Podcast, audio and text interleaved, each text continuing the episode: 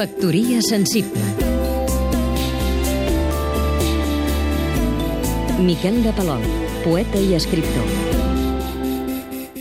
Privilegi dels pares és reviure la joventut en la dels fills. Cal no fer-s'hi gaires il·lusions. Val més no esperar-s'ho ni encara menys programar-ho, perquè sols acabar picant les dents amb un roc. Si arriba, ho fa per si mateix i s'ha de rebre com un regal. L'altre dia la meva filla em va parlar extensament dels seus estudis universitaris, amb l'expectativa d'un examen on la meva experiència, llunyana però experiència al cap i a la fi, em va permetre augurar-li un èxit força consistent. Van sortir Roland Barthes i Umberto Eco, i la manera com expressen les idees complexes. Jo em pensava que aquesta gent eren de la meva època, però sembla que encara són prou vigents perquè els estudiïn a classe. A la meva filla li agrada Eco i troba Bart un pedant abstrus, refistolat, innecessàriament incomprensible. Em pregunta, per què escriuen d'aquesta manera aquesta gent?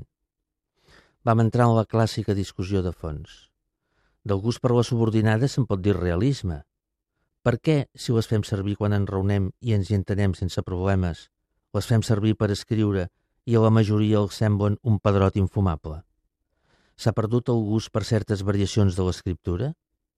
En el cas de Bart, a la complicació estructural s'hi afegeix la conceptual. El present és de l'eslògan i el Twitter. Factoria sensible Seguim-nos també a catradio.cat